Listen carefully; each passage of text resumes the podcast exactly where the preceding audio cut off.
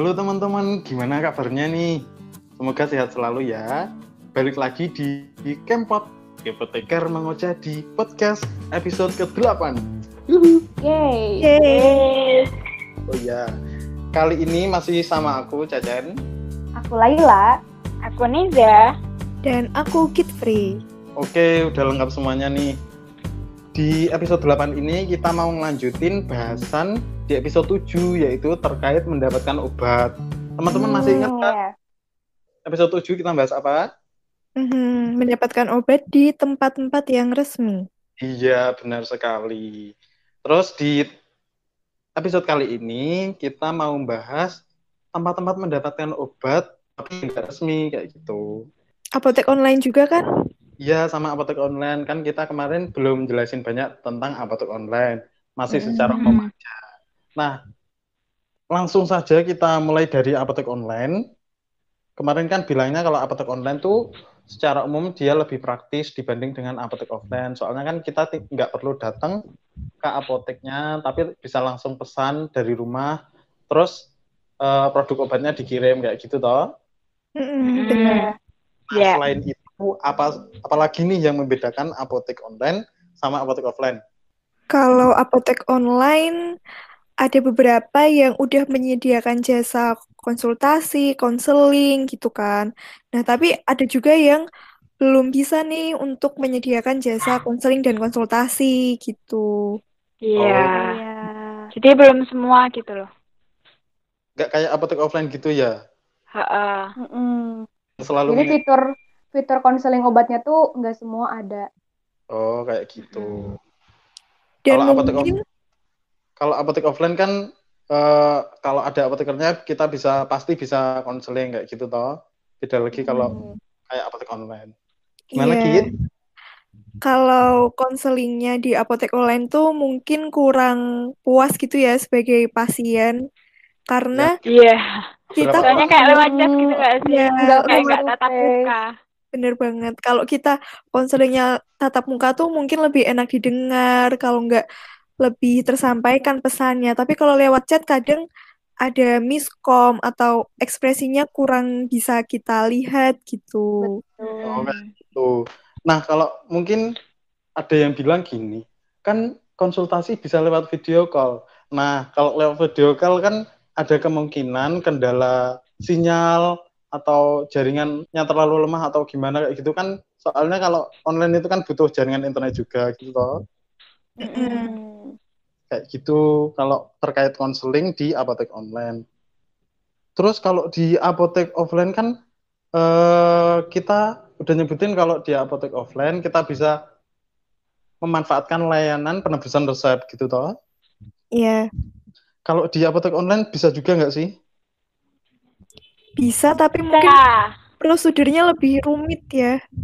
Iya. Karena harus Oh. scan resep, terus nanti dikirim ke website Heeh. apotek online-nya gitu. Heeh. Oke. Dan kayaknya eh, tergantung apotek online juga sih. Kayaknya ada yang ada, ada yang nggak melayani. Oh, berarti Mm-mm. perlu dilihat dulu ya si apotek online ini eh, Heeh. menyediakan layanan tersebut apa enggak. Mm-mm. Selain itu eh, apa resep yang boleh dilayani juga harus eh, menaati aturan gitu loh. Karena pemerintah juga udah ngasih peraturan mengenai resep yang boleh ditebus secara online. Iya, bener. Oh Walaupun aku iya iya. belum baca banget, tapi ya intinya eh, ada juga peraturan yang harus ditaati. Oke, berbeda gitu ya peraturannya. Mm-mm. Iya. Oke, selain itu ada nggak sih perbedaan apotek online dibanding dengan apotek offline selain konseling, selain resep, selain kepraktisannya? Biayanya ya, biayanya mungkin kalau di Biayanya. apotek online lebih lebih mahal. Lebih mahal karena Iya. ada tambahan uang kirim. Ongkos kirim. Oh, Heeh. Delip, delip. Heeh. Biaya pengiriman gitu ya. Iya. Oke. Selain itu mungkin itu kalau misalnya eh, di desa yang belum terlalu melek teknologi, mungkin bisa kesulitan gitu kalau misalnya mengakses apotek online, malah lebih praktisnya datang ke apotek Yang offline. Heeh. Apalagi di desa-desa tuh kan nggak kadang kan sinyal juga nggak ada Terus habis itu kadang eh, ada juga masih ada orang yang belum melek teknologi gitu loh. Kayak misal nih juga nggak harus di desa wes, misal di kota tapi eh, udah lanjut usia, kayak kurang paham akan teknologi kan juga mereka akan kesulitan gitu untuk mengakses apotek online. Iya, bener Iya banget sih. Nggak cuma orang desa ya yang nggak melek Iya. teknologi bisa jadi yang di kota pun belum bisa. Iya. Oke. Ternyata ada beberapa perbedaan ya dari apotek online dan offline. Mm. Ada lagi nggak yang ditambahin terkait apotek online? Udah sih. Mungkin itu dulu. Nanti kalau ada pertanyaan bisa loh DM langsung ya ke IG kita. Ya, Iya, sekali. siapa tahu masih ada yang ingin ditanyakan. Iya, atau ada yang ganjel-ganjel gitu. Iya. Oke. Nah, sekarang kita bahas yang nggak resmi ya, teman-teman. Mm. Teman-teman pernah nggak sih lihat eh, obat-obatan yang ada di swalayan atau di warung-warung kayak gitu, di toko kelontong atau di minimarket? Kayak gitu pernah kan? Pernah. Pernah. Iya, sering ya. Iya. Nah, pertanyaanku kalau beli obat di tempat-tempat kayak gitu sebenarnya boleh nggak sih atau aman nggak sih? Boleh dan Em, aman sih. Iya, Kalau yang tergantung obatnya. Iya, obat bebas dan obat bebas terbatas. Oh, berarti Itu tergantung berarti obat. aman. Mm-mm, Kalau misalnya obat yang harusnya beli di apotek tapi malah beli di di tempat yang gak resmi, itu kan nggak betul juga. Nggak boleh ya kayak gitu. Mm-mm. Kenapa kok nggak boleh? Karena yang resmi itu yang udah dapat izin kan, dan ada alasannya kenapa diizinkan gitu karena biar eh, nggak disalahgunakan yang pertama, terus yang kedua biar sesuai juga sama kondisi pasien, yang ketiga em, ada penanggung jawabnya. Kalau yang nggak resmi kan siapa penanggung jawabnya? Yang punyanya toko.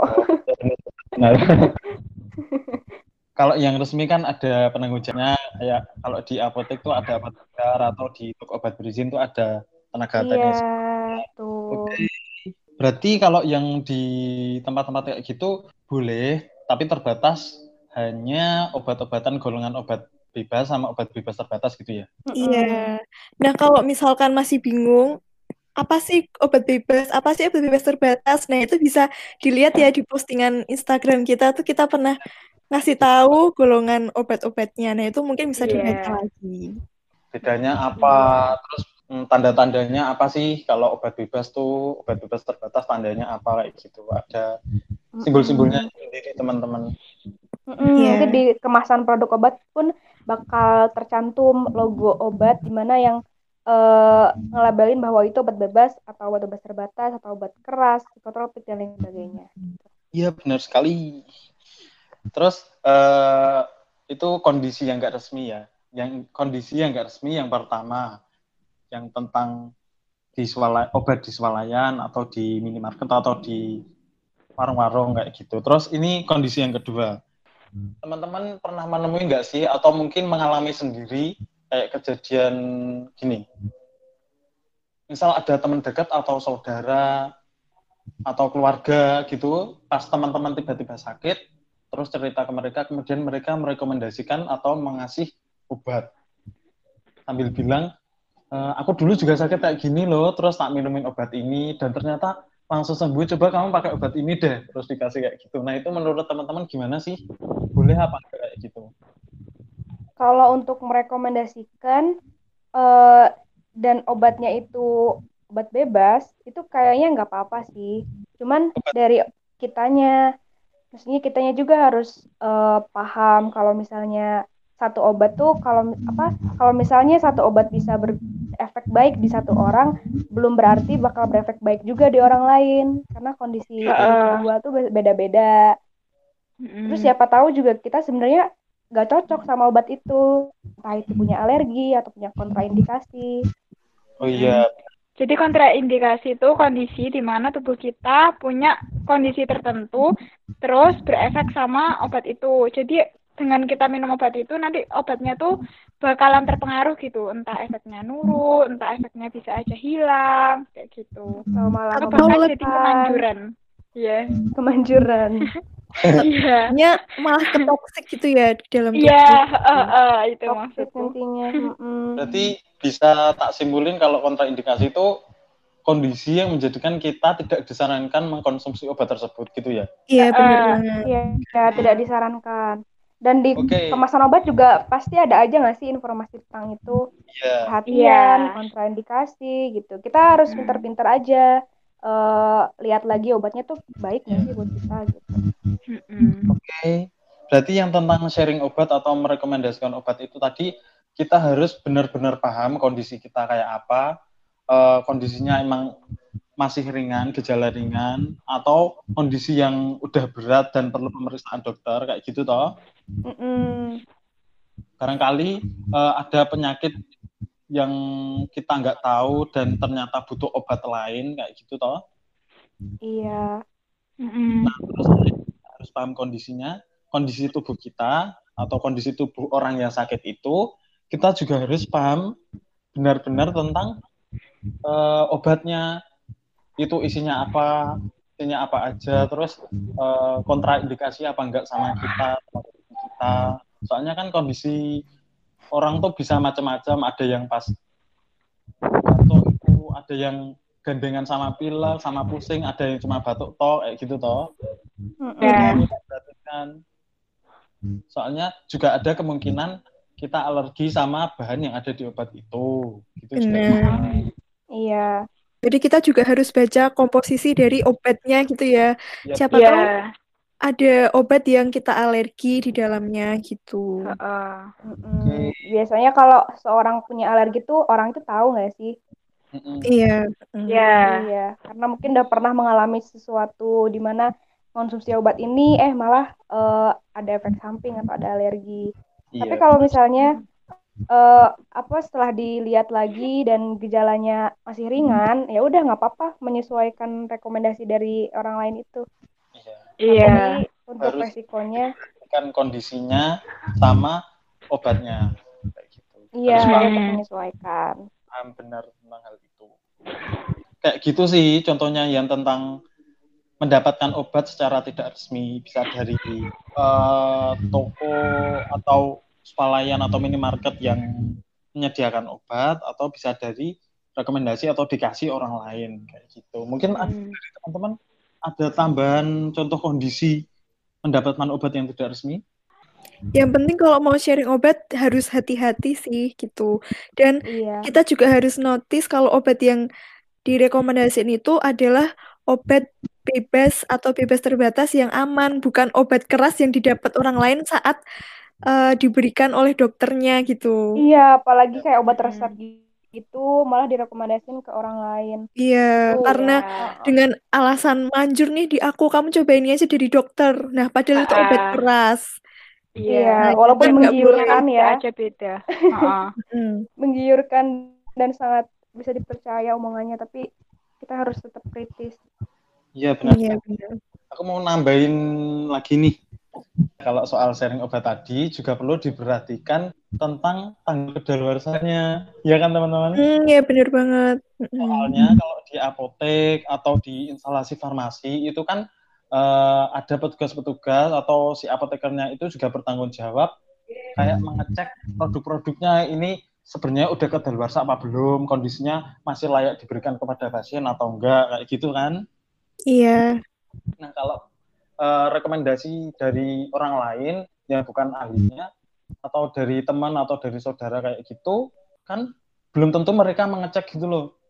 Tanggal kedaluarsanya Iya. kapan? Mungkin ada eh, kan ada kemasan yang tanggal kedaluarsanya cuma di bagian pojok kayak gitu dan itu mungkin yang bagian pojok itu udah hilang.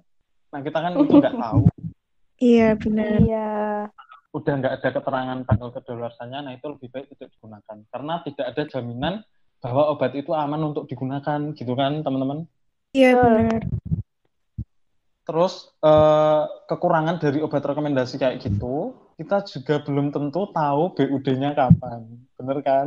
iya, Kayak gitu teman-teman. Mungkin itu dulu ya bahasan tentang eh, mendapatkan obat yang nggak resmi sama yang di apotek online. iya. Oke, aku simpulin langsung aja ya teman-teman. Yang pertama tentang apotek online tadi yang membedakan tentang yang membedakan dengan apotek yang offline. Kalau apotek online itu lebih praktis. Terus kalau soal konseling dan layanan penebusan resep itu belum tentu semua apotek online menyediakan layanan tersebut kayak gitu sih bedanya secara umum Hmm. dengan apotek yang offline. Terus kalau untuk kondisi mendapatkan obat yang tidak resmi, yang pertama dari swalayan atau dari toko atau dari warung-warung kayak gitu, itu tuh diperbolehkan dan aman jika obatnya hanya tergolong obat-obatan bebas dan obat bebas terbatas kayak gitu.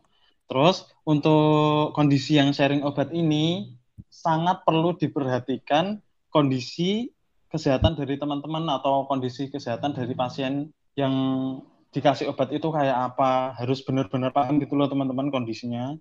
Soalnya kan kondisi antara penyakit satu yang penyakit yang lain itu bisa aja mirip kayak gitu.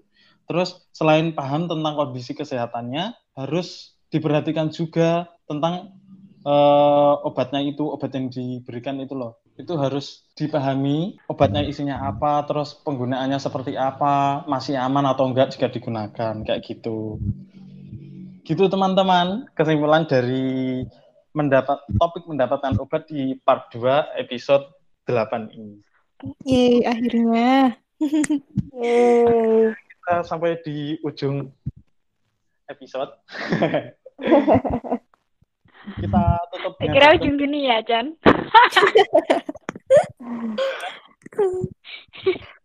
Sekian dulu ya episode 8 kali ini. Semoga informasinya bermanfaat. Amin. Semoga pemahaman. Terima kasih sudah mendengarkan. Mohon maaf apabila ada kesalahan dari kami. Ya, nanti kalau misal Iya. paham atau butuh penjelasan lebih lagi, bisa tanya di DM Instagram kita at kepoteker underscore atau komen di YouTube kita YouTube. kepoteker kayak gitu.